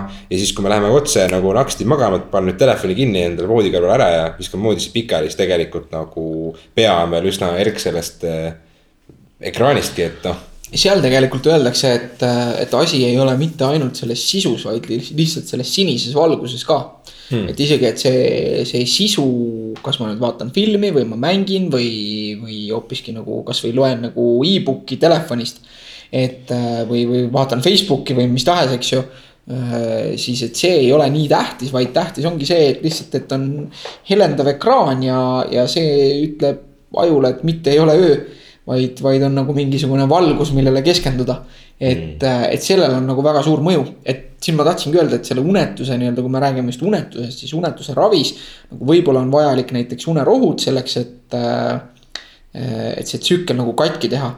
aga hästi suur osa või et nagu need rohud ei, noh, need rohud toimivad koos sellega, kui inimene ka vaatab üle enda selle käitumise, et mis see nagu reaalne käitumine on, et kas ta äh, saab näiteks kehalist koormust Äh, kas ta sööb õigel ajal selle magama mineku suhtes, nii et ühest küljest ei ole tal kõht nii täis, et tal oleks ebamugav olla. aga samas ei ole tal ka niiviisi, et, äh, et tegelikult ta on, on justkui näljane või, või, või hakkab seal mõtlema, et äkki peaks ikka veel üles tõusma, et nagu näksida midagi mm. natuke, et kõht on tühi. et, et kumbki nagu nendest ei, ei tohiks segada, eks ju äh,. siis kas see tuba on piisavalt pime, et kas on just nagu noh, ideaalne, kui kellelgi on unetusega probleeme, eks ju. siis ta ei tohiks isegi raamatut lugeda enne, enne. paneb mõtted käima jah. see paneb ühest küljest nagu mõtted käima. ja, ja teisest küljest on see ikkagi seotud mingisuguse valgusega. et, et selgelt tuleb nagu üle vaadata see käitumisrutiin, et kas seal on see, et inimene on söönud, kas ta on natukene liigutanud.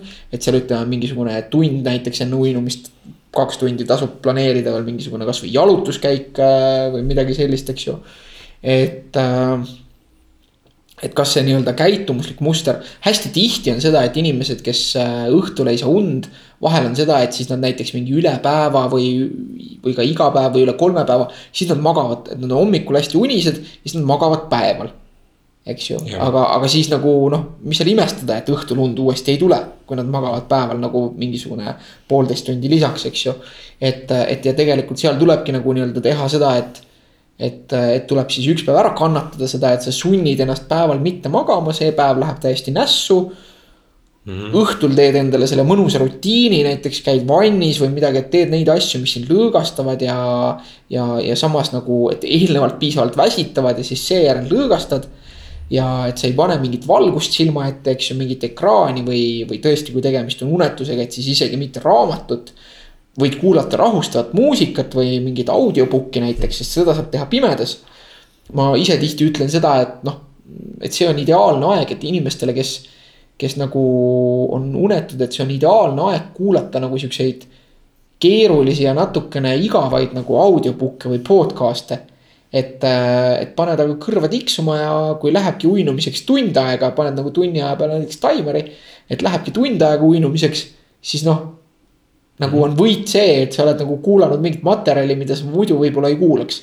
noh, seal tingimus on see, et see ei tohi olla nagu stimuleeriv liigselt mm. -hmm ma olen ise niimoodi õppinud ka tegelikult mõned aastad tagasi podcast'e kuulama, et mul ei olnud õhtul und ja siis ma panin käima ja, ja tuba oli pime ja mõnikord olid nagu head naljad ja siis ma naersin ja mõtlesin kaasa ja mõnikord ma kuulasin mitu osa järjest, aga mõnikord äh, ärkasin hommikul selle peale üles, et ma otsisin taga seda, et kus mul eelmine kord nagu pooleli jäi õhtul, et äh, mul on alati niiviisi, mul on nii ka, et mul on, mul on tihti see, et ma õhtul viimase asjana mõtlen, et kuulaks veel mingit podcast'i.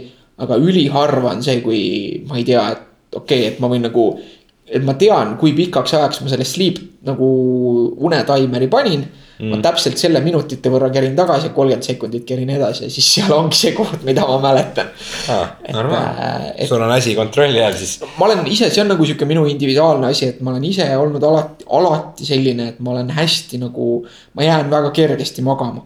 et ma mm. üldiselt jään väga hästi magama, mul on sellega vedanud et see on alati niiviisi olnud, et, äh, et ma olen üks nendest, kes sõjaväes sai autokastis ka magada ja umbes püsti jala peal kuskil, kui ei tohtinud pikali heita ja mm. -hmm. et, et mina ise jään kergesti magama. teisest küljest nagu mulle mõjub une, unetus mõjub mulle hästi rängalt, et kui, kui ma olen ühe öö saanud väga kehvasti magada, siis noh. ma olen järgmine päev nagu isegi endale nagu ebameeldivalt nagu tujukas ja aeglane ja sihuke. Et. Äh, see lööb inimestel erinevalt välja jah, et äh, paljudel siiski lööbki niimoodi, et oled, oled natukene selline võib-olla tige või natukene selline ründav kohati. minuga on täitsa noh, ma tunnen, ma ei ole mina ise, kui ma olen magamata. jah, ja ma olen ka nüüd hiljem, hiljem just tundnud seda, et varem ma tihtipeale olin palju magamata ja, ja, ja ma suutsin selle kuidagi noh, sellega toime tulla, aga nüüd on see, et ma endale paha aimamatult olen teiste suunas ründav ja selline võib-olla võib ebaviisakas ja natukene nii inglise keeles snappy. et, et jah, aga kas sa selle kohta tead midagi öelda, et inimesed, kellel näiteks äh, ongi magamisharjumus näiteks äh, hilja öösel vastu hommikut kuni ma ei tea, keskpäevani välja, et kas nende ütleme elurutiin arvestades sellega, et me elame üldiselt sellises ühes ühiskonnas, kus inimesed, ma ei tea, ärkavad kuus-seitse hommikul, töötavad üheksast viieni. ja siis noh, ühesõnaga, et ümberringi sul suur osa nagu ühiskonnast töötab ühtemoodi, võib-olla sõbrad käivad selles ajatsoonis sul. aga sa ise näiteks oled selles äh, sihukese vastupidise rütmis kinni, et kas sellega mingisugune psühholoogiline võib-olla äh, survestus on. või, või mingisugune tagajärg võib olla või see ei ole tegelikult kuidagi seotud väga sellega ja see on rohkem individuaalne noh, see sõltub, kuidas sa saad enda elu nagu korraldada mm., et, äh, et noh näib olevat üsna kindel, et tegelikult nii vara ärkamine, nagu me oleme siin protestantlikus ühiskonnas harjunud, et see tegelikult ei ole hea mm.. ja, ja. et siis kell kuus nii-öelda snuusi nuppu löömine, see on nagu väga halb. ja, ja, ja see, kellele kõige hullemini näib mõjuvat, on tegelikult äh, koolilapsed. just äh, põhikoolis ja keskkoolis mm., kus tegelikult nagu kasvavad inimesed vajaksid palju rohkem und. ja, ja mitte lihtsalt rohkem und, vaid äh, ka hiljem ärkamist, et see. aga, aga ka varem magama minemist äkki või? Äh, ka varem magama minemist ilmselt, aga isegi koos selle varem magama minemisega, noh. kuskilt tekib ju see, et kui sa arvestad, et pead õhtul õppima ja yeah., ja nagu noh. et isegi kui sa lähed kell kümme magama, siis sa võib-olla saad ka parimal juhul üheksa tundi und eks ju, sest äh, lähed kümme magama ja seitsmest pead tõusma selleks, et nagu kooli jõuda. noh, väga rohkem nagu ei olegi võimalik mm. -hmm. ja, ja, ja noh, nagu kümme maga-, kell kümme magama minek on, ma arvan, ikkagi nagu sellise teismelise jaoks ka päris raske. et, äh, et, et see on nagu pisut vara äh,.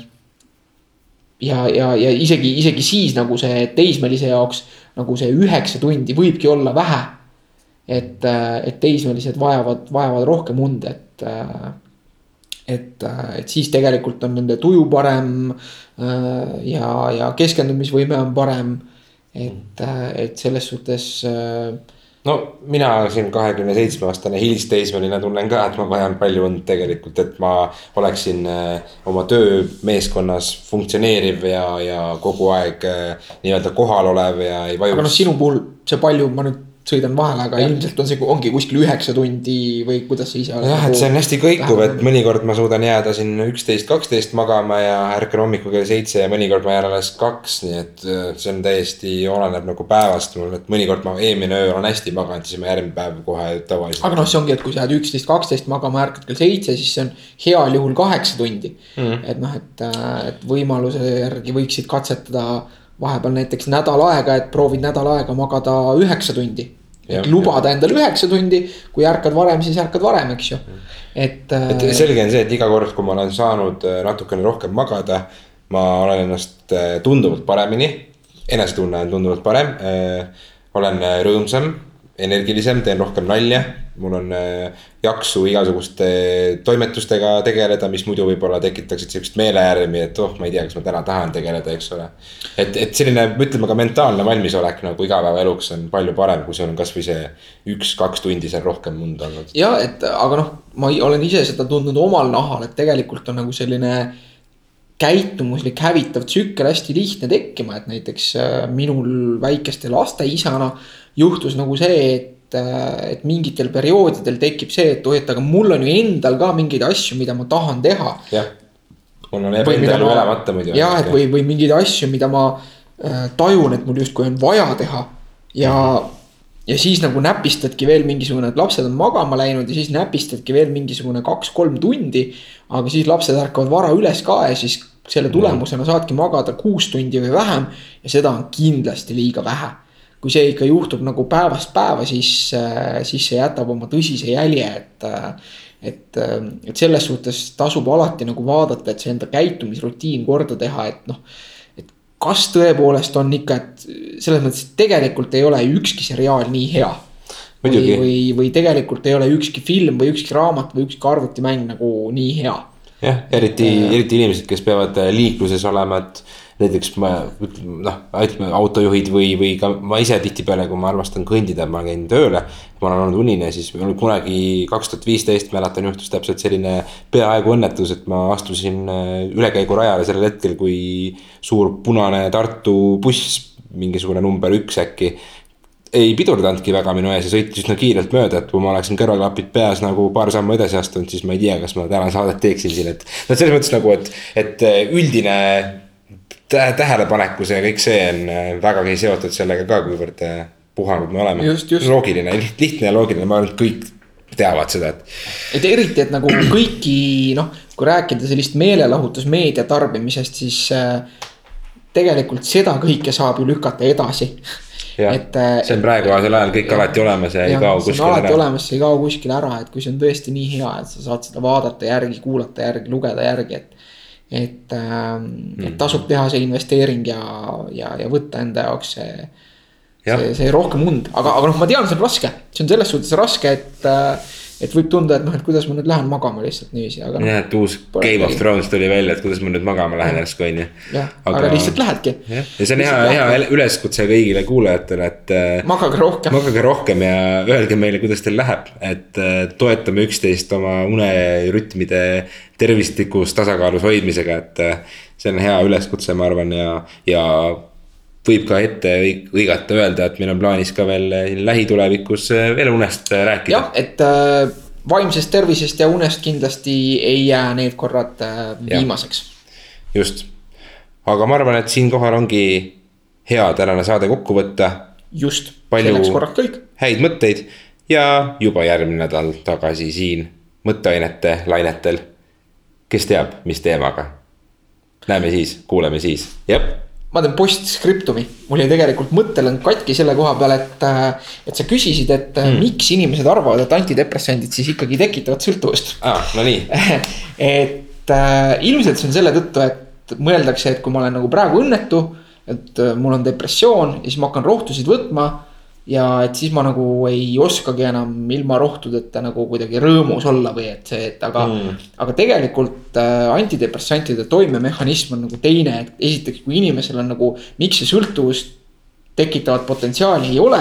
on ka see, et kui neid võtab inimene, kellel ei ole depressiooni, kes on täiesti tavaline, siis temaga ei juhtu mitte midagi et ta ei muutu sellest kuidagi ekstra rõõmsaks või mm. -hmm. noh, mis ilmselgelt nagu, kui võtta näiteks kokaiini, siis äh, kui tavaline inimene võtab kokaiini, siis tal hakkab sellest nagu subjektiivselt väga hea, eks ju, ja sellepärast see ongi nagu nii ohtlik aine jah, aga antidepressantidega sellist asja ei ole.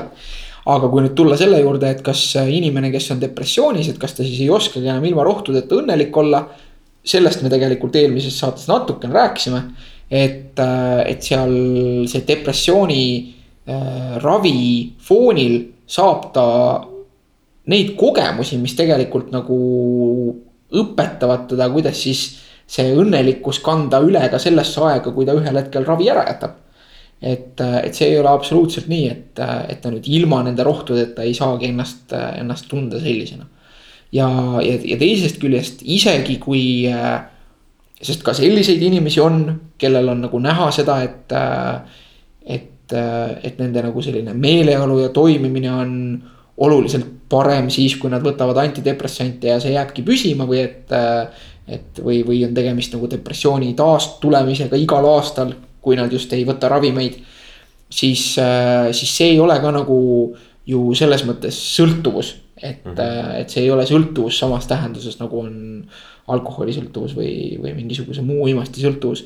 et, et see on pigem lihtsalt äh, olukord, kus äh,, kus noh, see inimene võibki teha teadliku valiku, et, et mida ma siis rohkem tahan ja, ja küsimus ei ole mitte selles, et, et kas ma siis ilma rohtudeta ei oskagi õnnelik olla vaid, vaid et noh, kui see inimene oligi depressioonis, et ta ei olnudki rõõmus, siis, siis läheb tal neid rohtusid vaja. et tegelikult selle kohta oli meie Facebooki lehel või, või sinu jagatud, kui sina jagasid seda episoodi, et siis oli üks nagu väga armas kommentaar minu meelest, kus üks kuulaja oli kirjutanud, et, et kui tema, tema kogemus antidepressantidega oli see, et ta hakkas rohtusid võtma ja, ja tundus, et nagu emotsionaalne toimetulek on palju parem mm. -hmm. aga siis psühhiaater soovitas tal doosi suurendada ja tema reaktsioon oli alguses, et noh, et mis mõttes, et noh, et mul ei ole ju seda tegelikult vaja ja.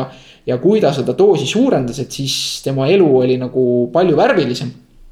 et palju nagu äh, ta siis sai nagu mõnes mõttes elada veel kvaliteetsemat elu, millest ta võib-olla enne pikka aega ei osanudki nagu isegi unistada, et see, see tegelikult äh, ravi võib anda täiesti just nagu mm, inimlikus mõttes terve seisundi. et äh,, et mitte ei ole see mingisugune, et inimesed võib-olla arvavad, et see on nagu mingi sihuke aine, mis tekitab nagu udu pähe, aga. aga, aga niiviisi see ei ole, et, et antidepressandid niimoodi ei tööta huvitav jah, minule kui inimesele, kes pole kunagi antidepressante võtnud mulle pole neid kunagi kirjutatud või määratud. ei ole ma tegelikult kunagi ka psühholoogi vastuvõtul käinud ja, ja psühhiaatri juures ka käinud, et. Ma olen üsna kaugel sellest maailmast, et minule nagu tunduvad need äh, antidepressandid just sellised müstilised, et. et mis imerohi see siis on, et, et, et ta noh lihtsalt paralleelist läheb niimoodi läbi, et, et, et on ju mingisugused ained, mis aitavad, teevad sind natuke tuimaks ja teevad sind natuke õnnelikuks ja teevad sind natuke siis nagu toituks nii-öelda kuskil hullumajas antakse ka, me oleme näinud kõik. Võib-olla kõik ei ole, kes kunagi on lugenud raamatut Lendas üle käopesa, see oli see teema, vaata, et anti hulludele mingeid tablette, vaata iga teatud aja tagant, et no, noh ma tahaks, siin meil, meil tuleb siin kõva, kõva post, siin ei ole vist postscript on, kuidas nagu rääkimisjärgne öelda, seda ma ei tea, aga et. et esiteks minu abikaasale on mm -hmm. nagu sihuke, tema on öelnud niiviisi, et et, et tema ei ole, kes ta on erialalt psühhiaater, et tema ei ole elus ühtegi hullu näinud mm. -hmm. et, et. ma saan aru, et see termin vist on ka selles mõttes nagu mõned teised terminid meil siin on, et ei ole viisakas vist nii öelda. jah, et see on nagu minu meelest on see nagu stigmatiseeriv või sihuke, et, et, et tegemist on ikkagi haigustega ja. ja, ja, ja nagu sellist see, see klassikalises mõttes nagu hull või noh, sihukest asja mm. nagu polegi olemas ja, ja see tavakeeles me räägime, et. uh, et täna oli tööl hull päev, et noh see on mm. nagu see, et, et yeah. me mõtleme, et see oli mingi erakorraline ja, ja ebameeldiv, aga. Läks veits hulluks. jah, aga, aga nagu mm. noh, see vaimse tervise teema tasuks sellest terminist tõmmata lahku. ja. Ja noh, mis sa ütlesid nagu ravimite kohta, et ja mis lendas üle käopesa, et see on kahjuks üks nagu sihuke kirjandus või noh, teatriklassika, sest tegelikult alguses oli see näidend. et, et mis on nagu vaimsele tervisele väga kõvasti kahju teinud, sest inimeste ja. nagu pilt tihti nagu on kujunenud sellest. sealt ja, ja, ja mina lugesin seda ka kooli ajal ja noh, tegelikult esiteks see pärineb nagu või noh, kujutab nii kauget minevikku, kui nagu need praktikad olid täiesti teistsugused võrreldes sellega, mis ta on praegu mm -hmm.. noh, lobotoomia, eks ju, mis, mis, mis nagu tõestati, et on ebainimlik ja ebaefektiivne ja, ja, ja mida tänapäeval ei tehta. et,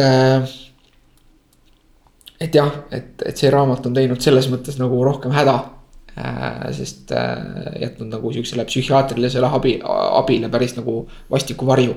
Aga, aga noh, mis antidepressantidesse puutub, et noh, et tegelikult on nagu noh, kui mõelda, et see on seesama asi, et, et näiteks äh, neid asju, millest ajus seda vastavat noh, näiteks ütleme seal paljud mitmete neurotransmitterite, mis siis vahendavad ajus närvirakkude omavahelisi signaale. et äh, nende nagu need E-laineid on palju näit-, näiteks äh, juustus ja lihas. Aga see ei tähenda seda, et kui sa sööd kuidagi ekstra palju juustu või ekstra palju liha, et siis sa muutuksid nagu ekstra õnnelikuks, et mm. -hmm. et nende lisadega, et isegi kui need on nagu natukene rohkem valmis kujul, mitte lihtsalt aminohapete kujul. võtta neid sisse näiteks rohuna siis, äh, siis kui neid ei lähe vaja, siis need lihtsalt ei kinnitu nendele retseptoritele ja. ja, ja, ja need kas lihtsalt nagu lagundatakse ära, need ained, mis üle jäävad või, või, või, või talletatakse varudesse nagu närvilõpmesse, et mm. -hmm et, äh, et, et niiviisi on, et need nagu ei, ei mõju kohe kuidagi ekstra, eriti intensiivselt. ja, ja, ja teatud mõttes need tänapäeva antidepressandid on ka selliseks disainitud et, et praegu räägitakse nii-öelda eksperimentaalravis sellest, et võiks kasutada depressiooniravis ka sellist äh, nagu tugevalt narkootilist ainet nagu ketamiin. Aga, aga noh, see olekski siis ainult, kui seda kasutatakse, siis nagu ainult väga reglementeeritud tingimustes ja kindla järelevalve all, sellepärast et erinevalt nagu nendest antidepressantidest, mida psühhiaatrid praegu välja kirjutavad ja mida saab apteegist siis osta et äh, ketamiinil on väga tugev sõltuvust tekitav toime, et. Äh, et, äh, et, et sellega nagu on teistmoodi, et ained on erinevad. ja palju, palju mõtteainet, palju mõtteainet. Aga, aga said, said. ja nüüd ma sain selle ära öeldud, et ma loodan, et, et ma väga ootan, et selles suhtes mulle väga meeldib see, kui kuulajad on ka kriitilised ja toovad välja meie vigu mm. -hmm. me saame ise targemaks äh, selle abil ja, ja ma loodan, et äh, nüüd mu kolleegid ja, ja teised vaimse tervise professionaalid jäid nende sõnavõttudega rahule, et sai vähemalt selleks korraks need asjad öeldud. jah, ja kui ei jäänud, siis järgmine kord. andke tuld. jep, puid alla. tore, aga hästi, lööme nukid selleks nädalaks, kõmm